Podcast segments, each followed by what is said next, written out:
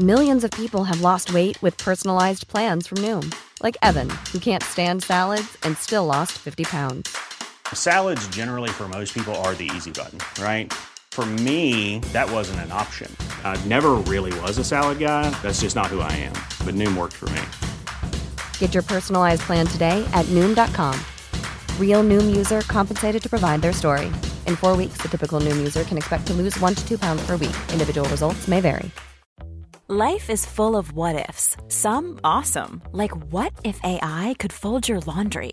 And some, well, less awesome, like what if you have unexpected medical costs? United Healthcare can help get you covered with Health Protector Guard fixed indemnity insurance plans. They supplement your primary plan to help you manage out of pocket costs. No deductibles, no enrollment periods, and especially no more what ifs. Visit uh1.com to find the Health Protector Guard plan for you.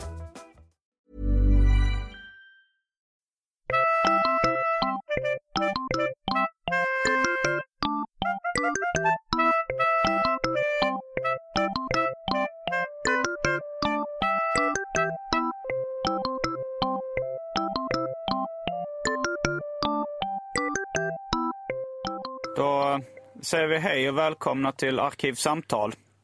Jag heter Simon Gärdenfors och mitt emot mig sitter eh, Kalle Lind. Ja, det gör jag. Välkommen hit. Tackar för detta. Eller kanske du som ska säga välkommen hit. Vi sitter i, i viss mån på din arbetsplats. Ja, precis. Det blir lite ombytta roller på något sätt. Jag Mm. sitter bakom det här dessutom jättelika professionella mixerbordet. Och du sitter där sitter gäster på, normalt brukar sitta. Men, på en men, pall utan ryggstöd. Ja, fast det finns nog med. Ja, det, Ja, du, är, jag klarar mig. du är ung.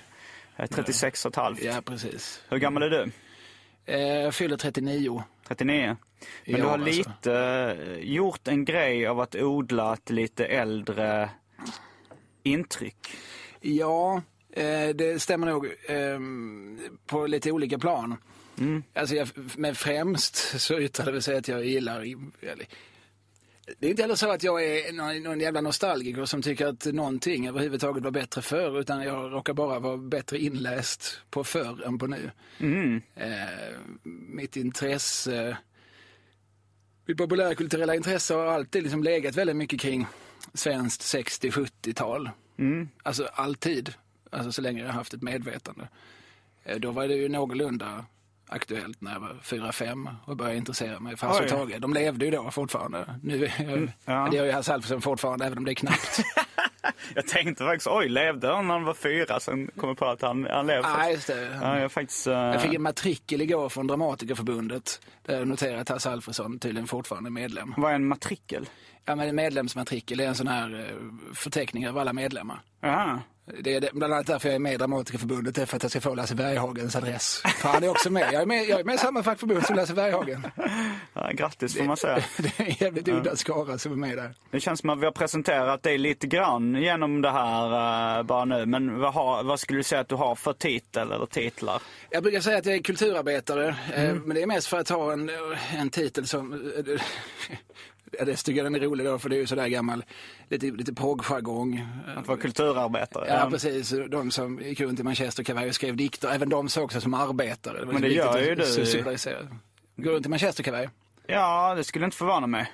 Jag äger nog en Manchester Kavaj, ja. Jag, jag är avslöjad. Ja, och eh, när jag väntade på att du skulle komma hit så plockade jag upp tidningen City som finns här i Malmö och då stod det faktiskt, var det faktiskt en dikt av dig. Ja, det råkar vara det. Jag Ja. skriver krönikor där. Den här gången så testar jag. Så du, du är en kulturarbetare som går runt i Ma- Manchesterkavaj och Ja. skriver dikter alltså? Ja, ja, nej, jag har inga problem med det. Det kan, det kan jag vara. Men, men, men det är lite grann, alltså alltid när man säger, alltså, jag tycker också om att kalla mig skriftställare. Också li, lite Ja, men du omfamnar ju de här gammaldags grejerna rätt ja, mycket. men det- Jag brukar få säga att jag jobbar inom nöjesbranschen. Det Ja, låter mer det. 80-tal tycker jag. Det låter mer med, med Brinkenstierna. Ja, Eller Billy Boot. Du är en nöjesprofil. uh, men grejen är, jag, jag jobbar ju med mycket grejer men allting eh, kan ju räknas inom underhållning liksom. Ja, Så uh, nöjesbranschen är väl ändå rätt... var går skiljelinjen mellan kultur och nöje? För jag hade kunnat säga samma sak. Alltså jag gör ju ingenting som, alltså som ligger i... Alltså jag gör ju också många saker. Jag, jag skriver krönikor, jag gör radio, jag gör... Jag har skrivit manus för tv. Mm. det händer att jag gör stup. Det, jag skriver böcker, har jag gjort några stycken. Eh, och allt det går väl att liksom kategorisera som kultur. Men det är också inom nöjesfältet. Det är kanske lite Aftonbladet som bestämmer vad som hamnar på kultur och vad som hamnar på nöje. Ja, Så det är de jag läser som- hellre Aftonbladets kultur än nöjessidor. Okej. Så därför så ser jag mig nog lite mer som associerad med kulturbranschen. Fast att jag ju gillar trams mer än, Mm. än pretentiöst. Eh, vi får inte glömma bort det omåttligt populära inslaget Välj drycken.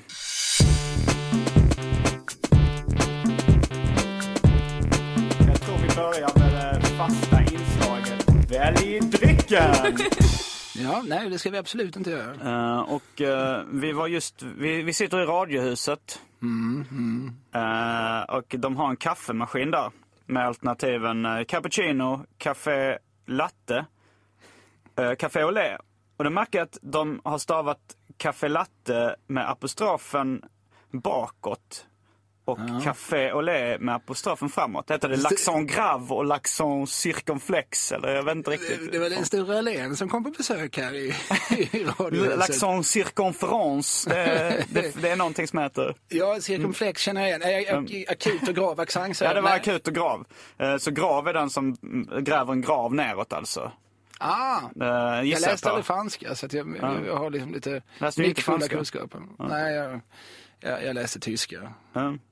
Eh, Och sen finns det macchiato, uh, chocofi, uh, vino melange, mocca ja. och café crème. Mm, mm. Och jag kanske inte ska föra lyssnaren bakom ljuset, eller vad man säger. Vi har redan valt dryck. Vi orkar inte gå fram och är helt tillbaka. transparent här alltså. ja, jag valde, valde svart ka- kaffe. Det heter kaffe, det får väl... Mm. Jag brukar faktiskt undvika det. Normalt så brukar jag sätta på bryggkaffe men, men det tar ändå en stund innan det blir färdigt. Mm. Det, det är inget, jag är ingen finsmakare. Tvärtom så, så tycker jag direkt illa om finsmakeri. Men, Mm. men eh, I alla former? ja, Okej. eller illa om. Folk får gärna tycka, sitta, sitta och smacka och älska saker bara jag slipper lyssna på det. Mm. Ja men även inom kultur och sådär liksom. Så Ja, jag det gillar inte vara- finsmakeri. Ja. Jag, jag är väldigt antisnobbistisk. Men du tog, du tog mjölk i. Ja, jag försökte Där- dö, döda garvsyran. Där kan man ju ändå eh, se det som en viss finsmakeri eftersom Radiohuset i Malmös kaffemaskin har någonting de kallar vitt. Ja, just det, det får inte lov att heta eh, mjölk. Det är, Ja. det är mjölkens motsvarighet till grillare och Dennis hotdogs och sånt. Som Ja. inte får heta korv. Grillburgare fick vi i skolan i skolmatsalen. Då blev Ja, man misstänkt. Det fick inte heta hamburgare. det var så. Ja, Och undrar hur mycket kött det måste innehålla för att få kallas ja, hamburgare. det är nog inte jättemycket. Nej, nej. nej. Men grillburgare hette de i alla fall. Ja. Eh, Men du tog inte vitt. Det, Nej, jag, jag, jag stal mjölk det från var lite snobbigt kan jag tycka. Ja, ja, Ja, men jag, ja. då får jag väl ta det då. Ja. Men jag tycker vitt låter, låter för deppigt. Det låter ju jätteskoj. Jag kan inte sitta i världens deppigaste kafeteria och dricka automatkaffe med vitt. Jag måste ha någon form av, av lyxkant och det var då den stulna lättmjölken. Mm. Med utgången datum för övrigt. Ja, nej, men då, då har vi klart av det omåttligt populära inslaget Välj drycken. Men har du alltid det så här tidigt i programmet för att då förlorar du ju lyssnare därefter. Du ska ju lägga... Du måste ju lägga... Höjdpunkten sist. Ja, Ja, nej, alltså jag, jag har ju någon, vid något tillfälle så har jag faktiskt glömt att köra det. Och, och, eh, och kommit på det väldigt sent. bara du får Men- ringa upp folk i efterhand. Och... Nej men då, då har det blivit eh, lite Twitterstorm. Ja, ja, ja. Eh, att folk säger så, man vill ju ha välj drycken efter 5-10 minuter. Och de, eh, de är väldigt mycket finsmakare vad det gäller sin välj drycken. Kan man säga att det är en, Twitter-tsunami eller är det mer en Twitter-storm i ett vattenglas? Var, styv kuling. Ja, så pass. Styv kulting, som de säger i Kolomankelsippen. Du som har koll på, eh, på småsaker. Mm. Känner du till någonting om Palle Kuling? eh? För de bytte ju från kalanka godis till Palle Kuling. Var det så? Alltså, är det, äh, alltså, finns det en, en direkt linje mellan gamla kalanka etableringar? Jag jag vet ingenting om. Palle Kuling, men Ja. att jag noterat detta faktum att äh, den här, den här, pelikanen i iförd sjömanshatt, och honom har jag bara sett på den här tablettasken. Jo. Och det känns ju alltid lite grann som Lite grann som, som när McDonalds har den senaste Pixar-filmen och Burger King har den senaste Dreamworks-filmen Mm. Så, har, så har Sibylla eh, familjen Flinta, John Goodman-versionen från tidigt 90-tal. Har, har de haft John Goodman-versionen? Jag tror Flinta? det. Jag tror de har haft Jönssonligan, Lilla Jönssonligan, men också några år efter att de gick på De bio. köper, de köper loss billiga rättigheter. Eh, Precis. Men jag blev, jag blev jävligt uh, chockad och lite, lite äcklad faktiskt när... eh, för Flinta var ju, för er unga lyssnare där ute, så var det en, eh, en tecknad film. Tecknad tv-serie. Tecknad tv-serie. Jag tror faktiskt den var tecknad tv-serie innan den var en uh, serietidning. Ja, och ja. Det, det, Eh. den var ju omåttligt populär i Sverige på 60-talet. Ja. Mm, Bland annat det första som min mamma såg på tv. Men hon blandade ihop det med Humle och Dumle när vi skulle prata om det senast. Ja, just det. Det är väldigt stor skillnad, Ja, skulle jag säga.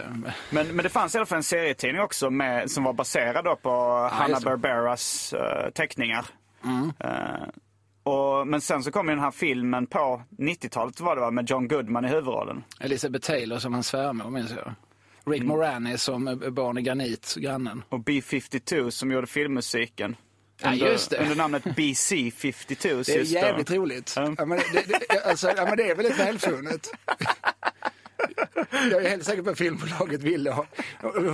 Alltså, B-52, jag vet inte hur stora de var. De hade ju Love Shack som var en väldigt stor hit under den uh, Ja, just det, men det var nog tio år tidigare. Va? Mm. Eller så här, jag vet inte, men jag kan ändå föreställa mig att, att filmbolaget var så jävla förtjusta i den vitsen att, de, Mm. att de gav B-52 mer betalt än vad de skulle fått på en öppen marknad, så att säga. vi, vi vill åt den här ordleken. Eh, Men i kölvattnet av succén med, med den spelfilmen med John Goodman i huvudrollen. Då kom det en serietidning i svensk... Igen? Ja. Fast då, var de då hade de ritat av John Goodman från filmen. Det är helt sjukt. Det var riktigt jävla sjukt faktiskt. Så det, så, det såg så obehagligt ut. Det blev det som kallas uh, Uncanny Valley. Den kusliga dalen på svenska. Eh, Ja. Känner du till det? Nej, inte spontant. Eh, jag hade en podcast med min storebrorsa som faktiskt heter Den kusliga dalen. Där, det var han som lärde mig det begreppet. Men det är när någonting är så pass likt en människa att, att det blir obehagligt. Alltså så här, om du har en robot till exempel som, som ser ut som en, en så här eh, plåt-Niklas-robot. Då är det inte Matilda så obehagligt. Vad sa du? Matilda Järndotter, Dr. Snuggles. Ja, det, det, den, den får upp en bild i huvudet av. Eh, då är det inte så obehagligt, men om det är så lite för likt en människa, då hamnar det, fast det inte är en människa, då hamnar det i den kusliga dalen. Det är liksom hubbotarna i den här eh, Ja. tv-serien som är Fast de var ju med, med. de spelades av människor. Ja. Så det blev inte så obehagligt. Men en tecknad version av John Goodmans imitation av den tecknade Fred Flinta, den hamnar i den kusliga dalen. Ja, jag är med. Är det ett begrepp som din bror har hittat på alltså? Nej, Uncanny Valley är ett eh, ganska etablerat begrepp Okej. inom design, form och design. Ja, okej. Mm. Ja, det är inte mitt fält. Nej. Det- Det, vilka skulle du säga är dina huvudfält? Är det, det, är, det, är det liksom eh, tramsig kultur från 60 och 70-tal som är ditt huvudfält? Ja, så kan man nog säga. Alltså, populär eller folkkultur. Mm. Från 60-70. Alltså, jag har väl koll på före och efter också lite grann. Men, men ja, det är nog det. Alltså, jag vet inte vad som är mitt huvudämne. Små saker är mitt huvudämne. Mm. På något sätt. Jag tror första gången jag hörde det var nog, måste varit Hej Domstol tror jag. Eller jobbade på radio innan dess.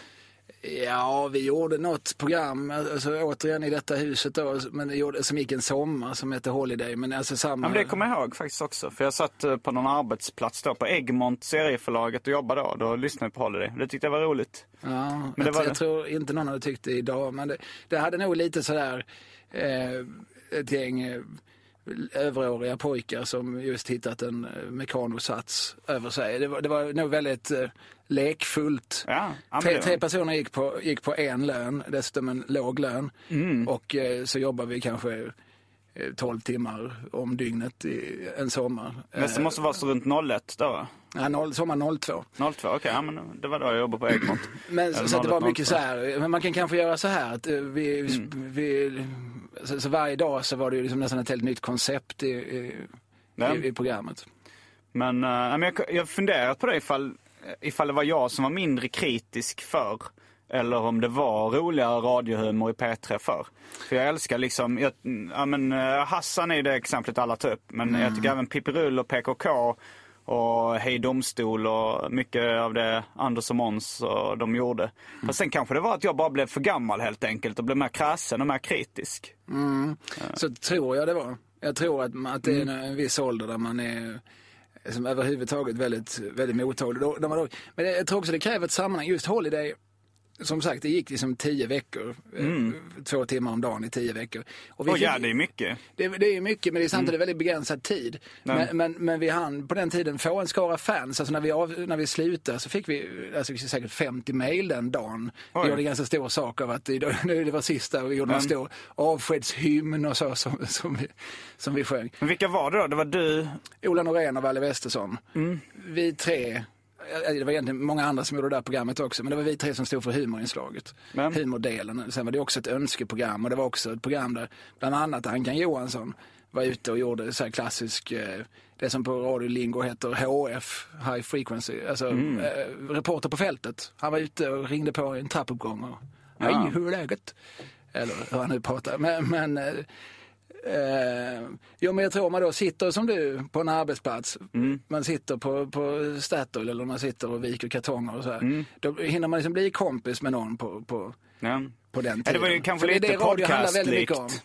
Ja, ja visst. Alltså podcasten har ju någonstans tagit det där liksom kompisaspekten ytterligare ett varv. För, för radio handlar oerhört mycket om igenkänning. Men, Så fort någon börjar, nu jobbar jag på P4 då eftersom jag eh, har blivit till åren kommen.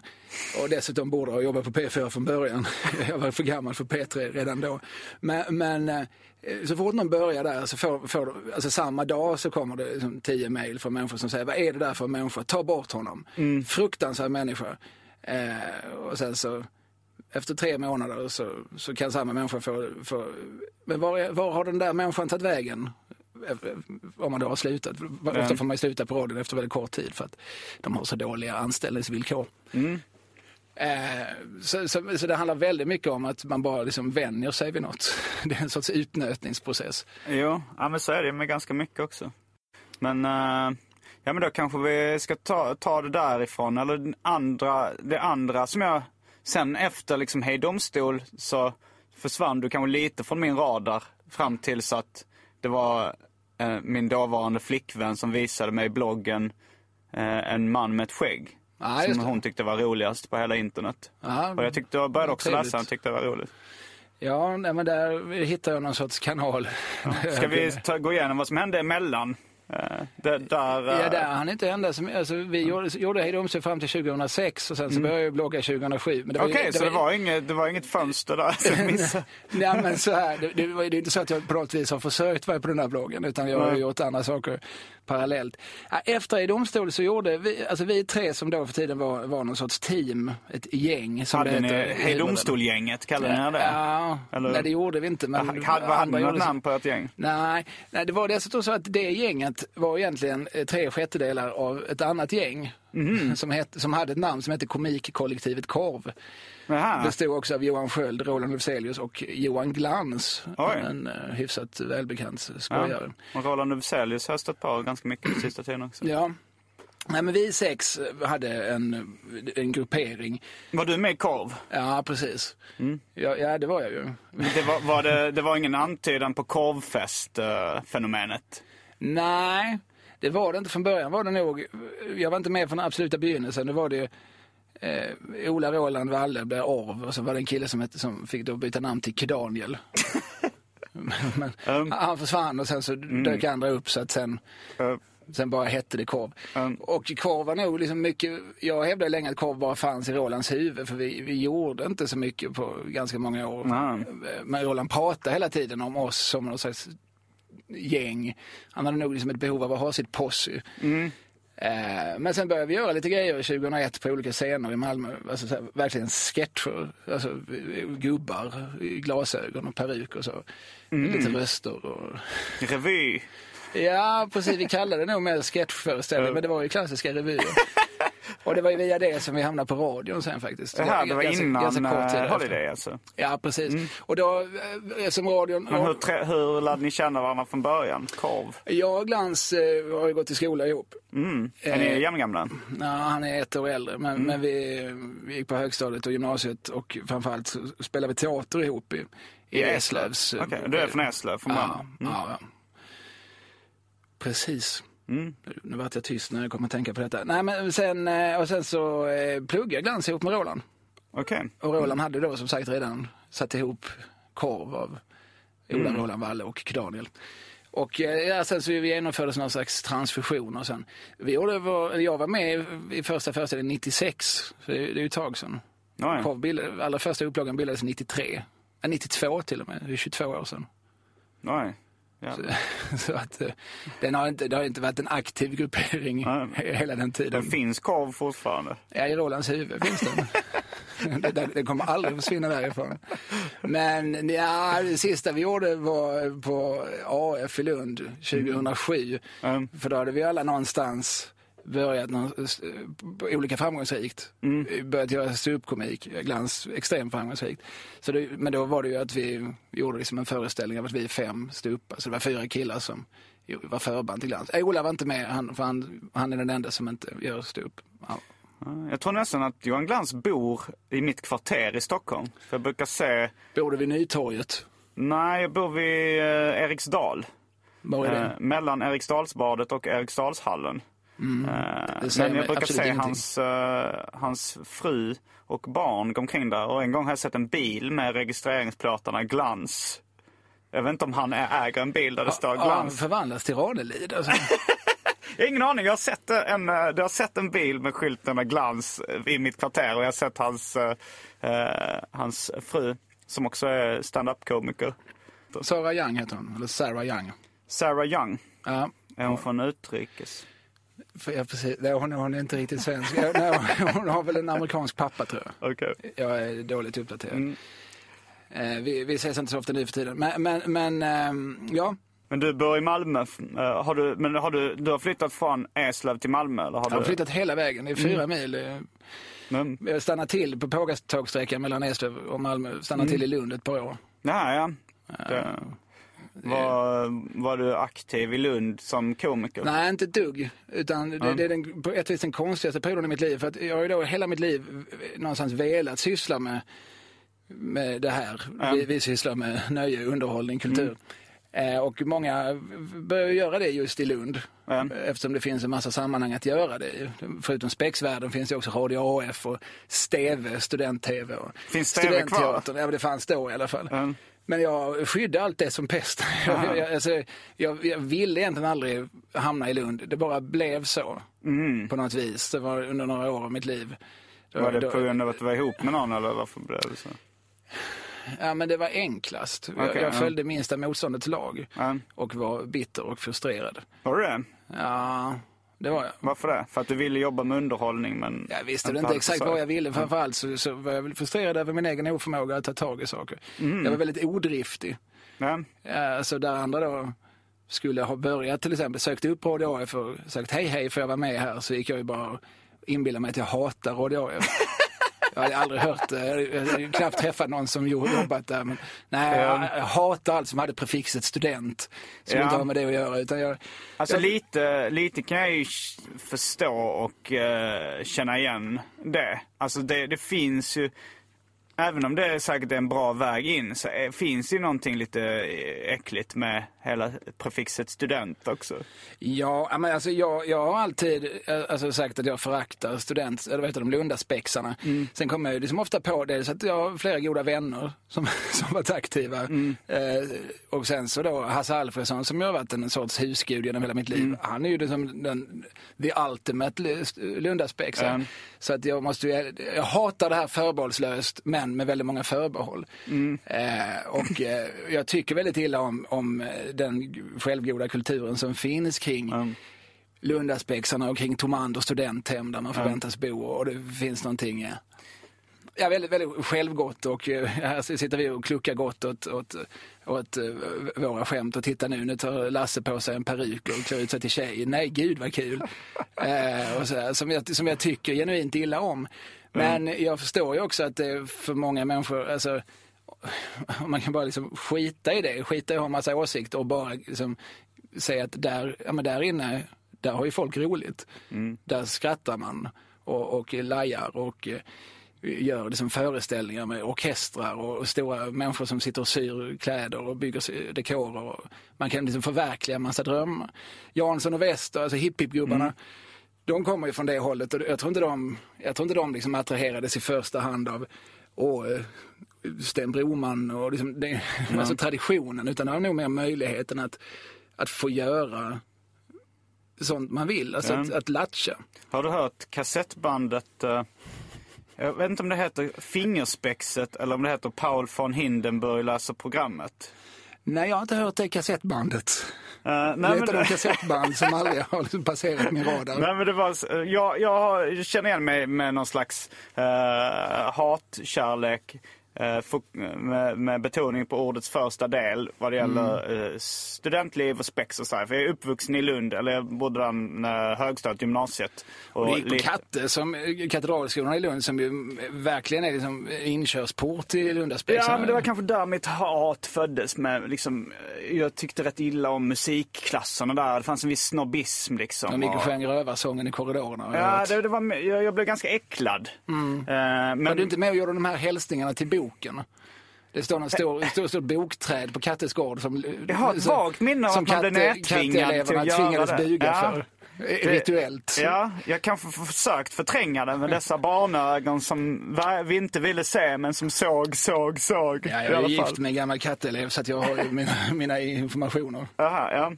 Nej men så där föddes ett, eh, det fanns väl, alltså när jag var liten och bodde i Hjärup, eh, då, då så brukade vi åka in med en familj som, eh, som älskade spex.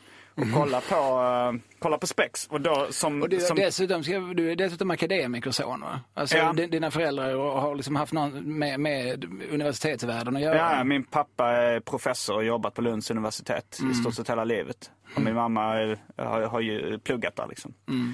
Men, eh, men, men jag kommer ihåg att jag älskade spexet när jag var liten och åkte in med, med familjen Kylberg som bodde utanför Hjärup. Eh, och då, vi, liksom, men det var, men det var liksom den, en av de första liveunderhållningen jag någonsin såg. Ja, ja, jag gillar ju Eslövsrevyn när jag var 10-11. Ja, men, men det var ju något, alltså, det karnevalistiska kan man ju upp, uppskatta. Ja. Alltså, Ja, Lundakanon tyckte jag också var rolig när jag var liten. Alltså jag tyckte all, jag, tyck, jag älskade ju humor liksom. Allting som, alla skämt jag förstod skrattade jag åt liksom. Ja, jag skrattade även åt dem jag inte förstod, för jag märkte ju att de vuxna skrattade. så att jag förstod att det är här var kul. Men, men då kommer jag ihåg att eh, min, min kompis då, Kalle Kylberg, han köpte ett kassettband. Det var nog programbladet där man fick ett kassettband till, eh, eh, det kan ha varit eh, Djingis Khan-spexet. Och eh, då var det, då hette det eh, Paul von Hindenburg läser programmet. Eventuellt hette det Fingerspexet. Det kan vara olika titlar. Men då var det Johan Wester som satt på ett, vad jag idag minns som ett 90 minuters band och bara tramsade sig och improviserade. Eh, jag vet inte vad tanken var med det bandet. Det var nog, eh, men det handlade Det om att man skulle göra ett... eh, några, några figurer skulle sitta 20 år senare och spekulera om det i en Ja. podcast. Men det, det var, ett tema var att man skulle rita figurer på fingrarna och göra sitt eget spex med fingrarna. men eh, men jag tyckte det här var helt genialiskt. Alltså så för att han, han bara ballade ur helt surrealistisk humor liksom och, och sa massa trams. Och, eh, så jag, jag, idag, jag citerar fortfarande flera gånger i veckan från fingerspexet. Så pass? Ja, ja. Nej, men, nej, men det är lite så här, i en viss ålder så drabbas man ju lätt av, av, av, av någonting som, som känns... Eh, ja, men det, här, det här är roligt. Jag kan inte riktigt sätta fingret på varför. Nej. Ofta då, ja men ofta, alltså sånt som är liksom i Monty Python-skolan.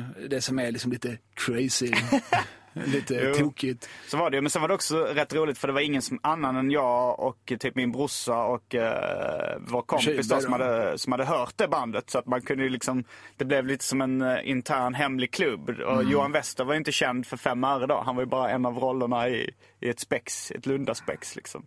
Eh, så det blev lite så här internskämtsgrej. Men eh, jag kanske ska be någon lägga upp det på Youtube eller någonting. Så att, Jag träffar Wester på måndag. Jag kan höra honom. Jag kan höra med honom om, Ja. man, om man har en kopia kvar. Ja, min, eh, min humorkollega Anton Magnusson som också är uh, battle-rappare under namnet eh, Mr Cool. Han, de var gäst, han och någon annan battle-rappare var gäster i, eh, i deras program. Hette det Jansson och Wester. Ja, Det som gick här i P4, ja. heter så ja. Då var det något inslag där de där Mr Cool och någon annan skulle battla mot de två.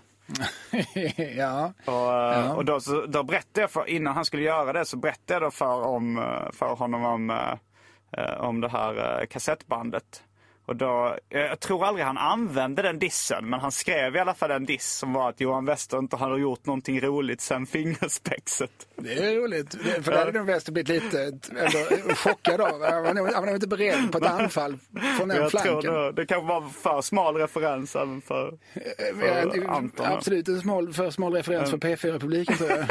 Men, men, eh, Men det hade varit kanske kanske personligt kränkande.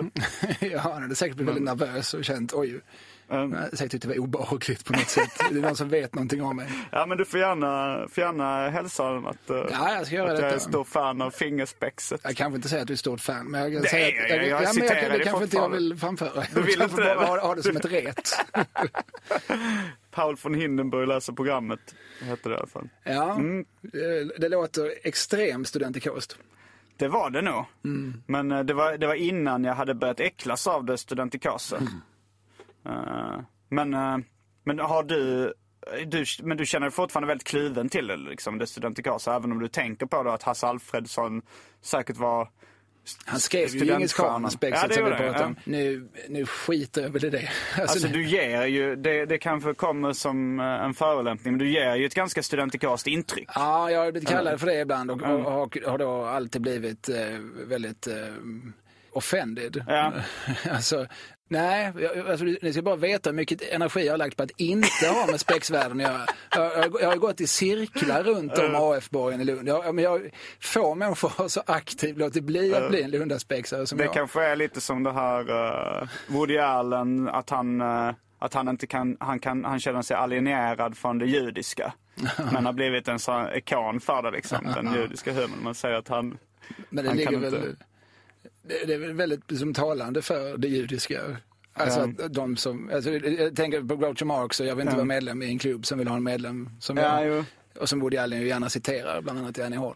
ja, han gjorde väl Eh, en, en variant av det som var jag kan inte älska en kvinna som har så dålig smak att hon faller för mig. Mm. Som, ja, det är väl lite samma skämt där man byter ut och det, kän- och det känns väldigt judiskt, eh, säger jag som, som goj. Men det känns Det- som, som, eh, som, så, som en sorts eh, svart humor som, som odlas i. Då menar inte svart som är kulturen. afroamerikansk. Jag menar svart som är, som är galghumor. Um, Mm. eh, just jo, det, jo det, det kanske det är. Jag, jag, jag vet inte hur mycket av min uppväxt som har präglats av det. För min morfar var ju en, en judisk skämtare på hobbynivå liksom. Som hela tiden drog heppisar. Men jag, jag skulle nog, jag, jag vet inte om jag sett något typiskt judiskt i den formen av humor. Utan det är mest slappa ordvitsar och, och diverse Det är trams. inga liksom. existentialistiska wisecracks på det sättet som, Nej, det, som hos han, Woody de Allen, var nog inte riktigt på samma nivå Nej. som, eh, som dem.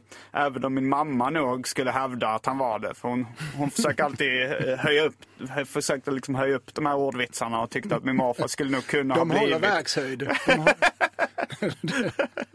ja. Ja, jag förstår. Ehm, Mm, jag, eh, jag är nära i Malmö nu. Jag, för, förra, förra podcasten slutade lite med en cliffhanger. Att jag skulle ut på moppesemester i Sverige. just det, detta har jag ju följt på sociala medier. Det var det.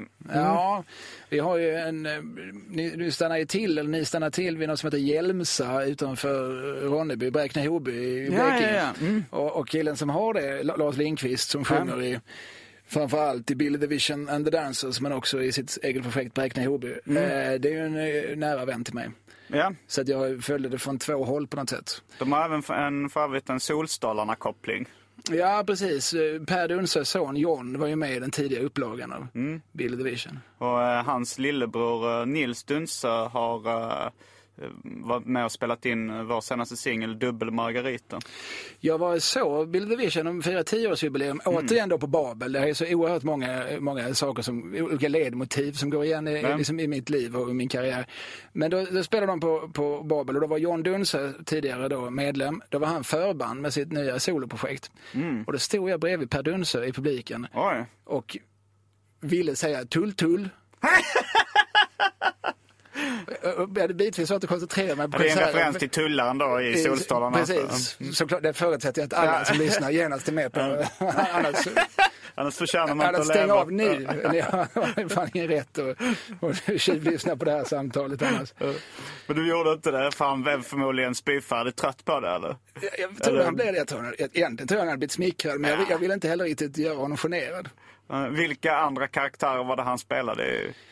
Ja, han gjorde ju den sure vaktmästaren. i- Alltså, Var det han som, var, för jag pratade om, den- om den sure vaktmästaren, tror jag. Var det han som hade som gimmick att han tyckte att allting var det fulaste han Ja, någonsin det hade kan nog sett? stämma. Ja, Det var Per Dunse. Sen var han ju då Hjördis när Ola Ström var den gubbsjuke Gösta som stod med kikaren och låtsades vara fågelskådare. Men i själva verket tittade på bikinibröst. eh, om, om vi nu håller oss i Solstolarna alltså. För att Solstolarna var ju faktiskt deras sämsta tv-serie. Ja, den allra det? sämsta hette Kosmos. Den gjorde de efter. Det var lite rymdtema. Men, men innan dess gjorde de ju bra barnprogram. Jag, Sångbåten. Drömplanket, Göte Gammalt och nytt, Dörren, ja precis, Göte Skötare som var ett radioprogram som var skitbra. Ja, min mamma tror jag gick i samma skola som någon av dem. Eller eventuellt båda i Malmö. Jaha, så Eh, pass. Så hon var en tidig följare på något sätt. En eller- early adopter, adapter. Jag, jag gissar på det, för att vi fick liksom kassettband med Göte Skötare. Och, Schlagerfest på valen. eh, det kanske var det det hette. Det var den andra. Jag kommer ihåg en låt som var Flyg, flyg, papegoja, ja, flyg, flyg. flyg, Nu måste vi ge oss av. Flyg, flyg, flyg, över land och hav. Ja, den. Är med. Jag är en kamel. Ja. Jag är en kamel. Ja, precis. Ja, det var många. Så du tycker att Solstolarna var det sämsta? Men eh, det var ju... Ja, det var det. Där, där eh, tappade de nog lite eh, kollen. Mm. Nej, men där ville de, alltså problemet med det var ju att de ville göra, ett, inte ett barnprogram, de hade gjort barnprogram tidigare. Mm. Och det var nog inte det någon av dem brann för att göra. Ola Ström var ju gammal popkille. Han pratar ju fortfarande om den gången när Mick Jagger och Keith Richards var hemma hos honom i hans föräldralägenhet på Färsens väg, typ 1967.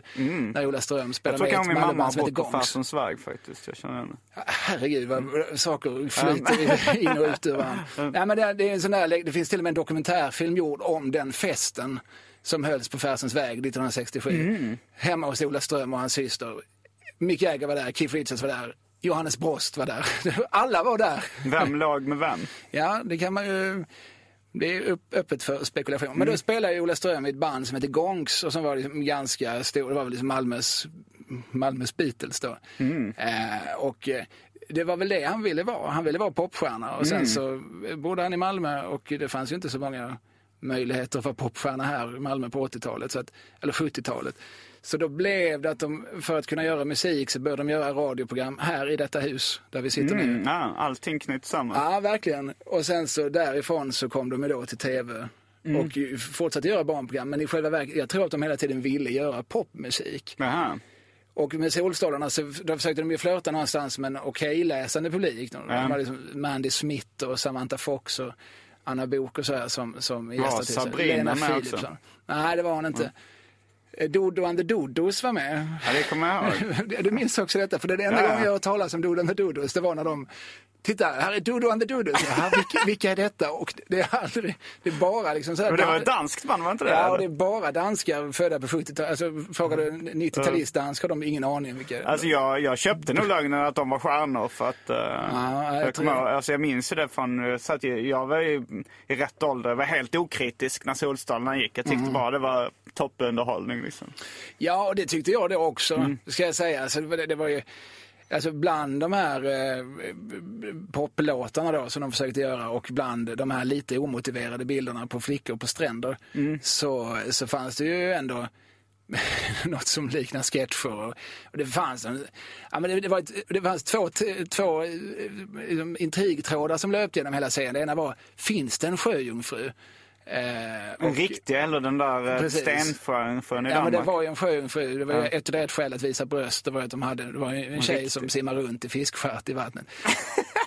Nej, men, jo, men Och sen var det tullaren med, med wienerbröden var väl en... Ja, en Skumberg, som är danska ja. wienerbröd med choklad i mitten. Och de knöts ihop de där trådarna för det visade sig att han smugglar ju, han smugglar ju eh, wienerbröd via sjöjungfrun. Och det tyckte jag var så jävla smart. Alltså det var så, alltså det var så riktigt liksom, Ja, men- aha-upplevelse. Det är ju nästan som Kaiser Söze-slutet i, i Usual Suspects. Det var samma. Fan vad häftigt, alltså, vad smart. Så det, Ja, men det, det, det blev jag imponerad av i, i eh, Seinfeld och Kirby Enthusiasm när de knyter ihop handlingstrådar. men Per Dunse och Ola Ström var först.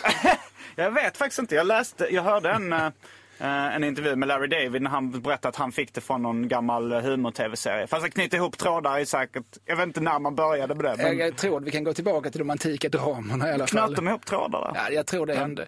Nej, nej, nej, de, är- de använder den billigaste av alla effekter, alltså det som heter Deus ex machina. Det vill säga att det bara kommer ner en maskin. gud. Ja, precis. Gud kommer ner och räddar. Ja, där, Nu kom Gud, så att nu, lö- en Gud, så nu löste det sig.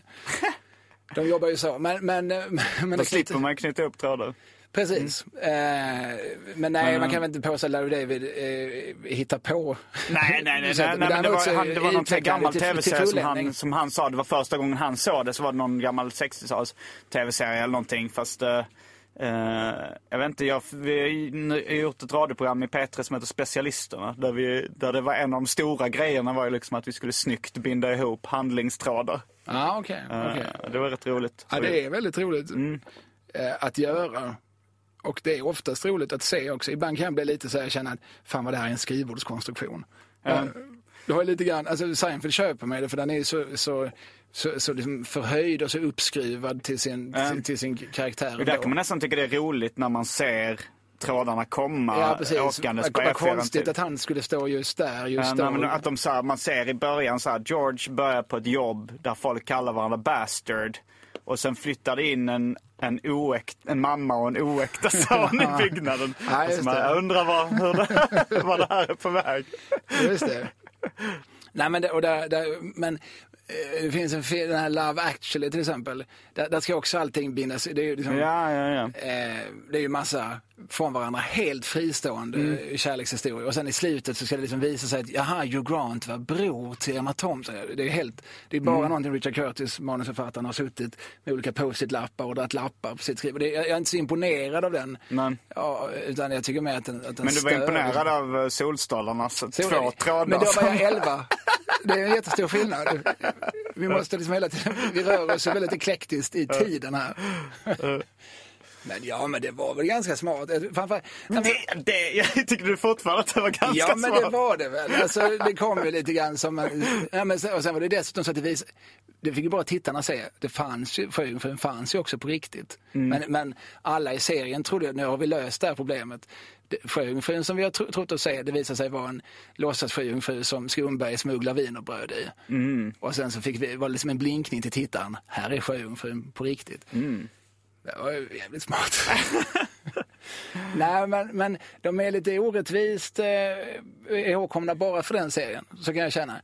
Och, och, den, och, den, eh, och Solstolarna, tittar man på det nu så, så, så, så får man liksom samma lite äckelkänslor som man kan få av att bläddra i en Okej från 84 där det också är liksom påfallande mycket patte. Eh, och jag menar just Anders Tengner och Hans Hattvig och eh, det glada Okej-gänget, de visste ju alldeles utmärkt att de vände sig till, till 12-13-åringar. De visste ju det. Men, Eh, så det är klart att det var, man kan hävda att det var ansvarslöst på något sätt. Det var ingen som reagerade på det då. Ja. Det, det Alltså jag, jag problem vet med. inte, det handlar ju, nej det var ingen som reagerade på det då. De sa de fick inga brev liksom. Men, Nej. men jag menar det, egentligen, om man, om, man ska, om man ska tänka på det sexistiska inslaget så egentligen så tycker jag att det lyckas man bra med, ut, med utan att visa pattar också. Att Ja, just ja. liksom vad som är accepterat i dagens samhälle, att det är okej för män att visa pattarna men inte kvinnor. Det är kanske en annan fråga än liksom vad man... eh, Jag tycker inte det är så jättekonstigt att det var... På då var det okej att visa pattarna på tjejer precis på samma sätt Ja, som det var nej, på alltså, att jag- visa pattarna på män ungefär. Liksom. Men Ja, jag sen, verkligen- sen, kan man ju, sen är ju frågan om eh, jämställdhet och sexistiska skildringar en annan skulle jag nog säga. Ja, nej, men så här, alltså, vad jag är intresserad av, apropå att sitta och prata så här om solstrålarna, Mm. det är att, eh, de, här attitydskillnaderna som, som sker hela tiden. Mm. Eh, vi har skrivit en bok som heter Pågiga barnböcker där, Ja. där jag går igenom eh, oerhört mycket av den sortens eh, politiska litteratur som gjordes för barn mellan 68 och 82 ungefär. Och min, alltså, vad jag tycker är roligt och fascinerande är att i princip ingen av de böckerna, jag tar nog upp hundra böcker, och i princip Mm. ingen av dem skulle ges ut idag. Det finns liksom inget förlag som hade velat ge ut de böckerna. Det finns nog ingen som hade kommit på tanken att ja, jag ska ta en bild, jag tar en massa liksom dystra svartvita bilder på ett utvecklingsstört barns dag. Och, alltså, det, jag tror, Var det alltså, en Joel-bitaraktig? Ja, det var någon slags förlag. Mm. Nej, men eller, jag ska ha, göra en bok med, med, med, liksom tuffteckningar där, där jag skildrar eh, bondebefolkningen i Vietnam och deras hårda, dystra vardag. Och med mycket bilder på gevär. Den, ska, den boken ska jag göra för barn. Det, jag tror det är väldigt få som hade tänkt så idag. Mm. Och det, det, det är just alltså den, det som har hänt medan vi liksom har levt vidare. Ja. Eh, det tycker jag är spännande. Det, det är liksom det glappet som, som sker i, i tiden. Lite omärkligt. Särskilt om man då tittar på li, lite marginella fenomen. Om Man tittar liksom, barnkultur har ju aldrig varit liksom, har aldrig stått i centrum så för mycket för uppmärksamhet. Om man tittar på det, vad som har hänt där lite vid sidan av. alltså, då kan man liksom se, man får så konkreta bevis på att ja, ja, tid har gått. Eh, attityder har förändrats, mentalitet har Ja, det förändrats. går ganska snabbt också om man tänker på 80-talet och... Ja, ja. Mm. Ja, ja precis. Det, Nu tänkte jag att 80-talet var nyligen, men det var det inte.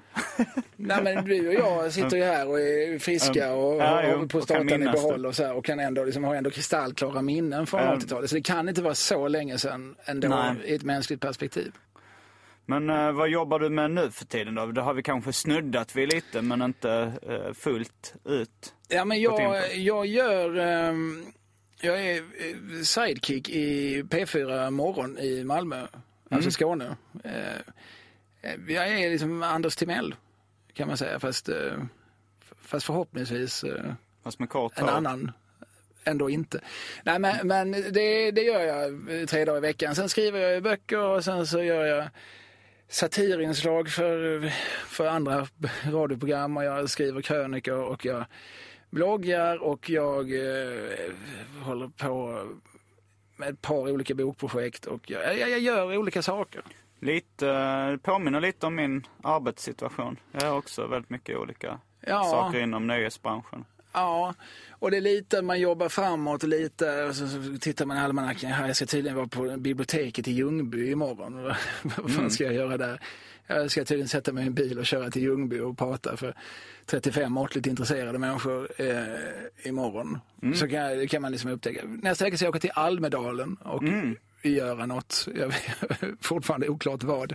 Men, Eh, men det kanske dyker upp på, på planet dit, vad vet jag. Eh, så jag har liksom, försöker ha liksom ett litet finger i många små syltburkar. du, eh, du nämnde inte stand-up just nu. Och precis innan vi slog på mickarna så sa du att du hade ett något kluvet förhållande till stand-up comedy. Att uppträda själv i alla fall. Ja, nej, men det är av de... Om, om min karriär är en insekt som står på sex ben så är liksom det benet eh, lite brutet. Eller det, det, det, det är inte det benet som jag tar mig fram på. Det, är liksom inte, det hänger och slänger lite grann. Nej, jag är inte, jag är inte så jävla intresserad av, av, av det. Nej. Eller det är jag. Jag ljuger. Jag, jag, jag, jag, men jag är jätteintresserad av, av, av det som fenomen och jag tycker det är en fantastisk genre och jag eh, har tyckt det, eh, jag tycker det är roligt att skriva försöka liksom sätta ihop en, ett, eh, en akt, som, som, som vi säger. Liksom. Men jag brinner inte så mycket för att liksom, åka till Skövde och, och stå på, på en krog. Alltså, jag, jag upplever att det tar väldigt mycket tid och sen tar det också ganska mycket energi att, att vara, vara lite, lite nervös. Mm, du blir fortfarande det? Ja, men jag, är, alltså, jag är mer nervös. Ja, men det, det ligger mer som en molande, något, något som kliar, någon, någon slags irritation. Så här, just det. Ja, jag blev också lite nervös jag- men jag tycker inte det är så, så farligt längre. Nej, det, jag, jag kan inte säga att jag har rampfeber. Det är aldrig så att de behöver ställa in en spann till mig i logen. Och så här. Men, men, men, men det är liksom någonting jag ska ha i huvudet. Just det, jag måste liksom memorera text och så. här. Jag gör det så pass oregelbundet att jag skriver, om inte nytt, så, så ser jag liksom över min, min akt inför i princip varje gång. Mm. Och eh, ganska ofta skriver jag mm, merparten nytt i alla fall. Men Och så- brinner du för skämt? Alltså för humor? Ja, det gör jag. Jag gillar ju humor. Sen är jag en väldigt dålig eh, punchline, one-liner-makare. Så. Jag, Eller, jag, jag, har inte tänkt på, jag har inte tänkt på den aspek- aspekten av din humor. Ifall det är mycket, det är kanske inte så mycket one-liners. Nej, alltså, jag tror inte det. Jag tror det handlar mer om någon sorts eh, iakttagelse. och Så här. Alltså, man ska få med publiken på att det här är har ni sett det här? Det här är knasigt. Och då, I mitt fall kan det vara ganska obskyra saker. Jag står ju och läser ibland Börje Ahlstedts memoarer på scen. Och så Arne Weises memoarer läser jag gärna ur. Eh, då måste man liksom, det är ju en lång väg dit. Man kan, man kan ju inte riktigt förutsätta tyvärr att alla vet ens vem Arne Weise är. Han är ju ändå i livet och så. Han syns ju ändå på tv och man råkar slå på SVT ibland. Alltså vadå, har folk tappat... Uh, alltså han var, uh, när han höll i jul, var, det var ju kanske länge sedan han var pappa Jag tror han julafton. slutade 2002, det är ändå 12 år sedan. Ja, det är länge sedan. Men jag trodde ändå att folk visste vem det var. Men det kanske inte... Ja, folk. Vilka är folk? Jag menar, går, går, du- ska uppträda ikväll på ett ställe som heter På besök i Malmö. En liten, ett litet hål i väggen som är jävla trevligt eh, Mm. på Möllevången. Och där är väl snittpubliken 25. Men, Alltså då är ju Arne Weise 12 år sedan, då var de 13 bast. Och man kan tänka sig när de var 13 så ja, kanske de han kanske är Hyland för dem. Ja, Eh, precis. Så ja. är man då liksom inte liksom populärkulturell eller så här, eller populärkulturellt, inte så kan man vara, men alltså där, det är många människor som inte har, som tycker det är så intressant med någon sorts historisk tillbakablick. När Marmor pratar så kanske de bara låtsas lyssna och så här, de, alltså som inte har någon förankring bakåt.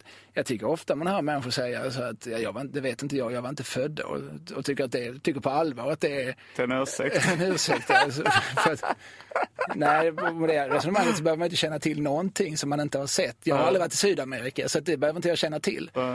Eh, det, Ja, jag det försökte desperat. eh, jag skrev en låt där jag hade en referens till Betty, Veronica, Sopprot och Acke. Ja. Och det var ett helt rum fullt med, med folk mellan 20 och 40. Det var ett deprimerande få som visste vem Acke var. Ännu mindre Ragge då. Han man var inte tänka ens sig. nämnd. Nej, Eh, nej men, men det där är väl, alltså Acke var väl i Sverige ett ganska marginellt fenomen Ja, överhuvudtaget. det gissar fanns ju en serietidning hur länge som helst. Ja. Och, eh, men eh, Nej, nej, nej, man men- måste nog vara lite populärkulturellt intresserad av det. För- jag slutar ju, alltså det här är lite paradoxalt, jag slutar aldrig att fascineras av hur lite somliga människor vet. Vet du inte det? Alltså mina bröder som är 8-10 år yngre som jag, det är ju skärpta intelligenta människor men vadå, du känner, du, du vet inte vem Jan Myrdal är? Ja, jag har ju hört namnet säger de. Ja, men vadå? Du måste väl veta att han skrev böcker om sina föräldrar som gjorde dem eh, olyckliga in i döden och så här. Du måste väl veta att han är en gammal kommunistikon. Alltså, du, du, känner, du vet att han har en rotborstmustasch. Du, du, någonting vet du väl?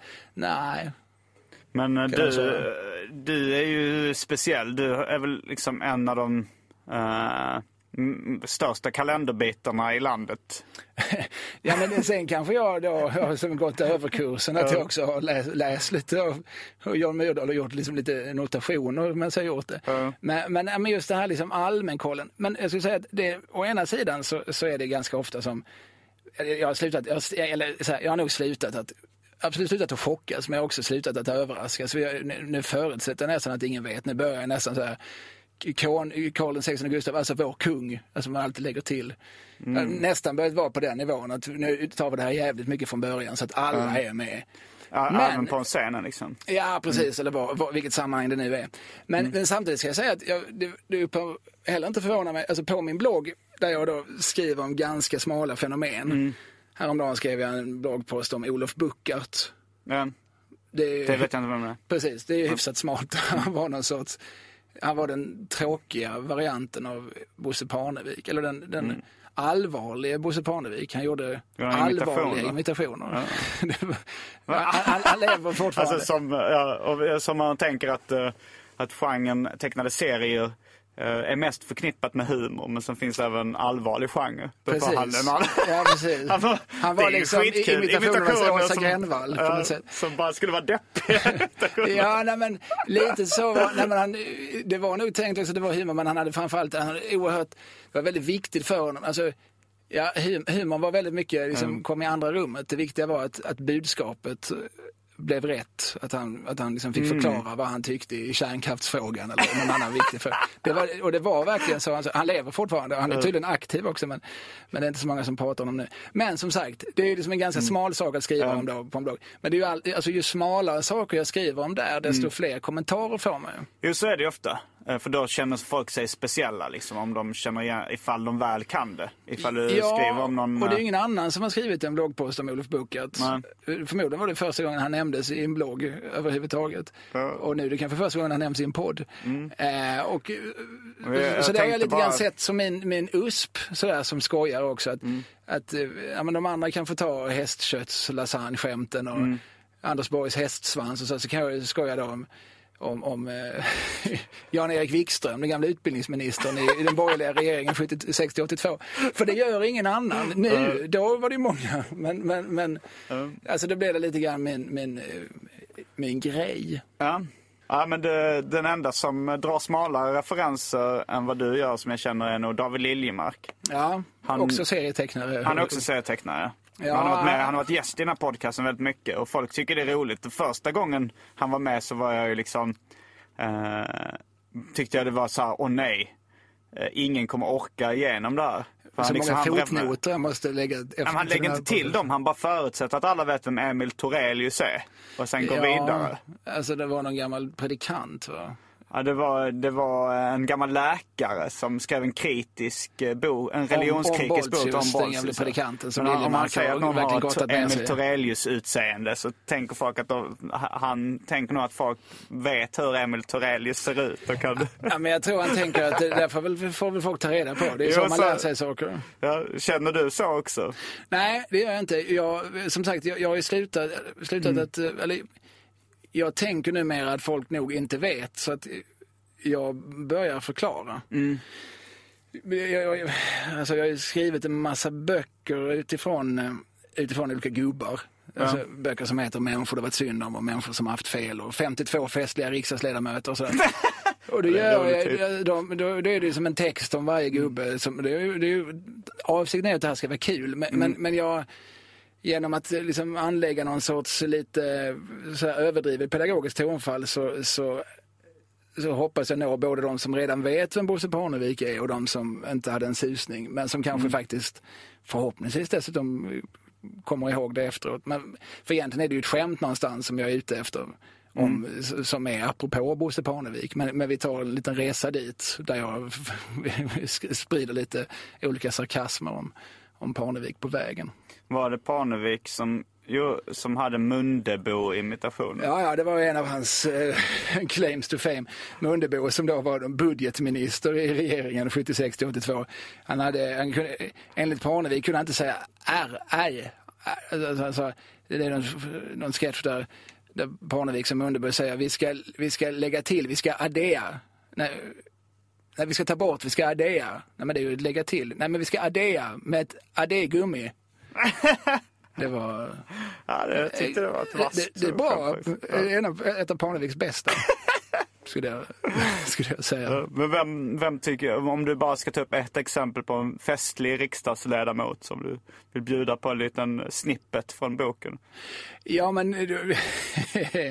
jo, men där finns ju, finns ju många. Det har ju dundrat fram en del, en del eh, högröstade figurer. Eh, Kommer du ihåg John Bouvin? Ja, lite grann. Han var ju Eh, med i det här Var Ny partiet. Demokrati? Ja, precis. Ja. Det var han som sa att förr i världen så var det mycket bättre för då åt eh, lejonen upp en del av de svältande barnen i Afrika. Ja, det kommer jag ihåg. Det var en av hans, där, och så var det också han som stod i, i riksdagen och, och, och apropå samkönade äktenskap visar med fingrarna att det här går inte. Alltså, två pekfingerspetsar mot varandra. Det här går inte. Två fingerhål mot varandra. Men det här går. Och så kör han då eh, fingret i fingerhålet. Så enkelt är det, sa han. Det var det. Och så, så skrev han en bok som hette... Men var det han som populariserade det? För det, man, man har ju sett det, Nej, det var, det var han som gjorde det från början. Det var, tror du, kan det vara så att han hittade på den?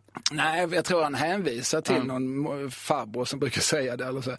Men, men det var då det blev liksom efter det som då har citerats. Sen kanske folk inte vet längre vem de citerar. Han skrev också en bok som heter Riksdagen kan dra åt helvete i samband med att han kom in i riksdagen. Och där han bland annat propagerar för att alla riksdagsledamöter skulle slängas i strömmen. Ja, han, var, han var ju såklart eh, helt vansinnig. Han, han- alltså, Ny, Ny Demokrati var ju en, en jävla soppa. De åkte ju ut ur riksdagen efter en period och så. Men han fortsatte, han var partiledare sen några år senare. För Ny Demokrati? Ja, när, när egentligen de fallit i mediaskugga. Men, eh, och bland annat, men han, ibland så fick han lite extra uppmärksamhet. Bland annat vid något tillfälle när han kallat några av sina partikamrater för fittor. Eh, Och argumenterar för, blev de arga för det då är de ju inte riktiga nydemokrater. Så, så det är en fest, alltså han är inte festlig i bemärkelsen att, eh, jag tycker han verkar vara synnerligen osympatisk vill jag lägga till, men, men han är, är ju ett original. Sen Per Gahrton är jag ju väldigt, väldigt förtjust i. Han som en gång var med och grundade Miljöpartiet. Och som innan dess var folkpartist. Jaha, han satt i riksdagen för Folkpartiet, ja, vilket också är så knasigt för att han det fin- finns nog inga som hatar Per Gahrton mer än de han satt i Folkpartiets styrelse ihop med på 70-talet. Men han, eh, han har skrivit ett par, ett par romaner som är extremt snuskiga. Är det sant? Ja, det är väldigt mycket liksom kuken och fittan. Och ja, det, det börjar liksom med det någon partisnubbe. Det, handlar, det är liksom skildring, så här, väldigt bitter skildring från de innersta kretsarna i, i, i partipolitiken. Och det börjar liksom att han är så den här mannen som man också lite grann tolkar som någon slags gartonskt alter ego. Han är så, så fruktansvärt kåt. Han, han, han bara måste gå in och, och, och runka i någon buske. Det börjar liksom där. Och sen så utspelas romanen under en helg och på den tiden så, så ligger den här figuren med, med hur många som helst och, och, och det är väldigt inlevelsefullt. Det är mycket som att han sprutar i hennes ansikte och, och så här. Och, och medan hon, hon, hon står på knä framför honom och ska just ta honom i munnen men så först frågar hon "Vä- vad är det här för en kuk Björn Trollman? Figuren heter Björn Trollman. är, det, är det en människokuk eller är det en partikuk? Ja, det är mycket så. Vad svarade han? Jag, jag tror att kapitlet slutar där. Vi får aldrig veta svaret.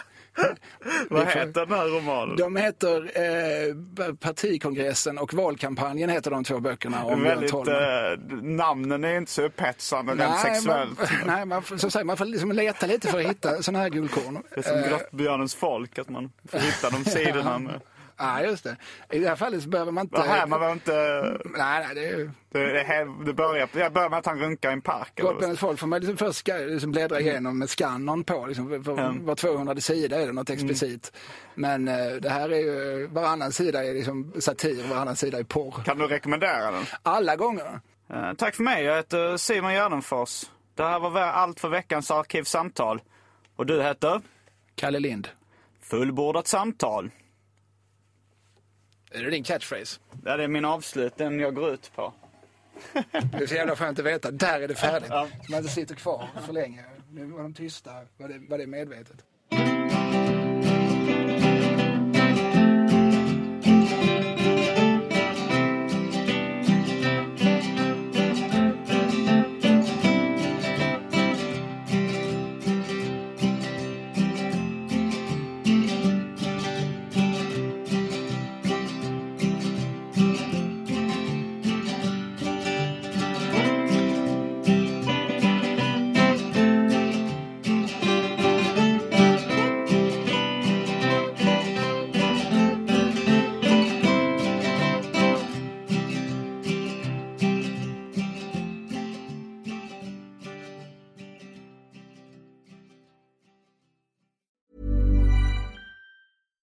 When we're on a budget, we still deserve nice things.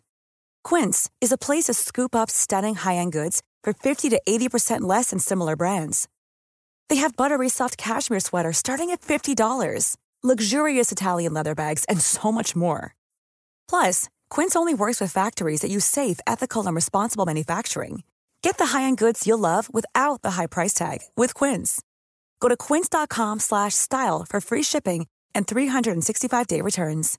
When you make decisions for your company, you look for the no brainers. And if you have a lot of mailing to do, stamps.com is the ultimate no brainer. It streamlines your processes to make your business more efficient, which makes you less busy. Mail checks, invoices, legal documents, and everything you need to keep your business running with stamps.com. Seamlessly connect with every major marketplace and shopping cart.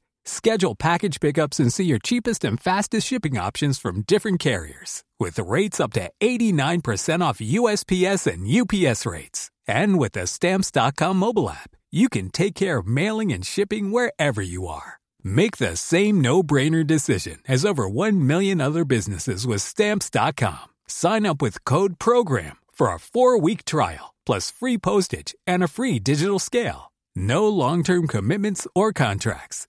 That's Stamps.com. Code PROGRAM.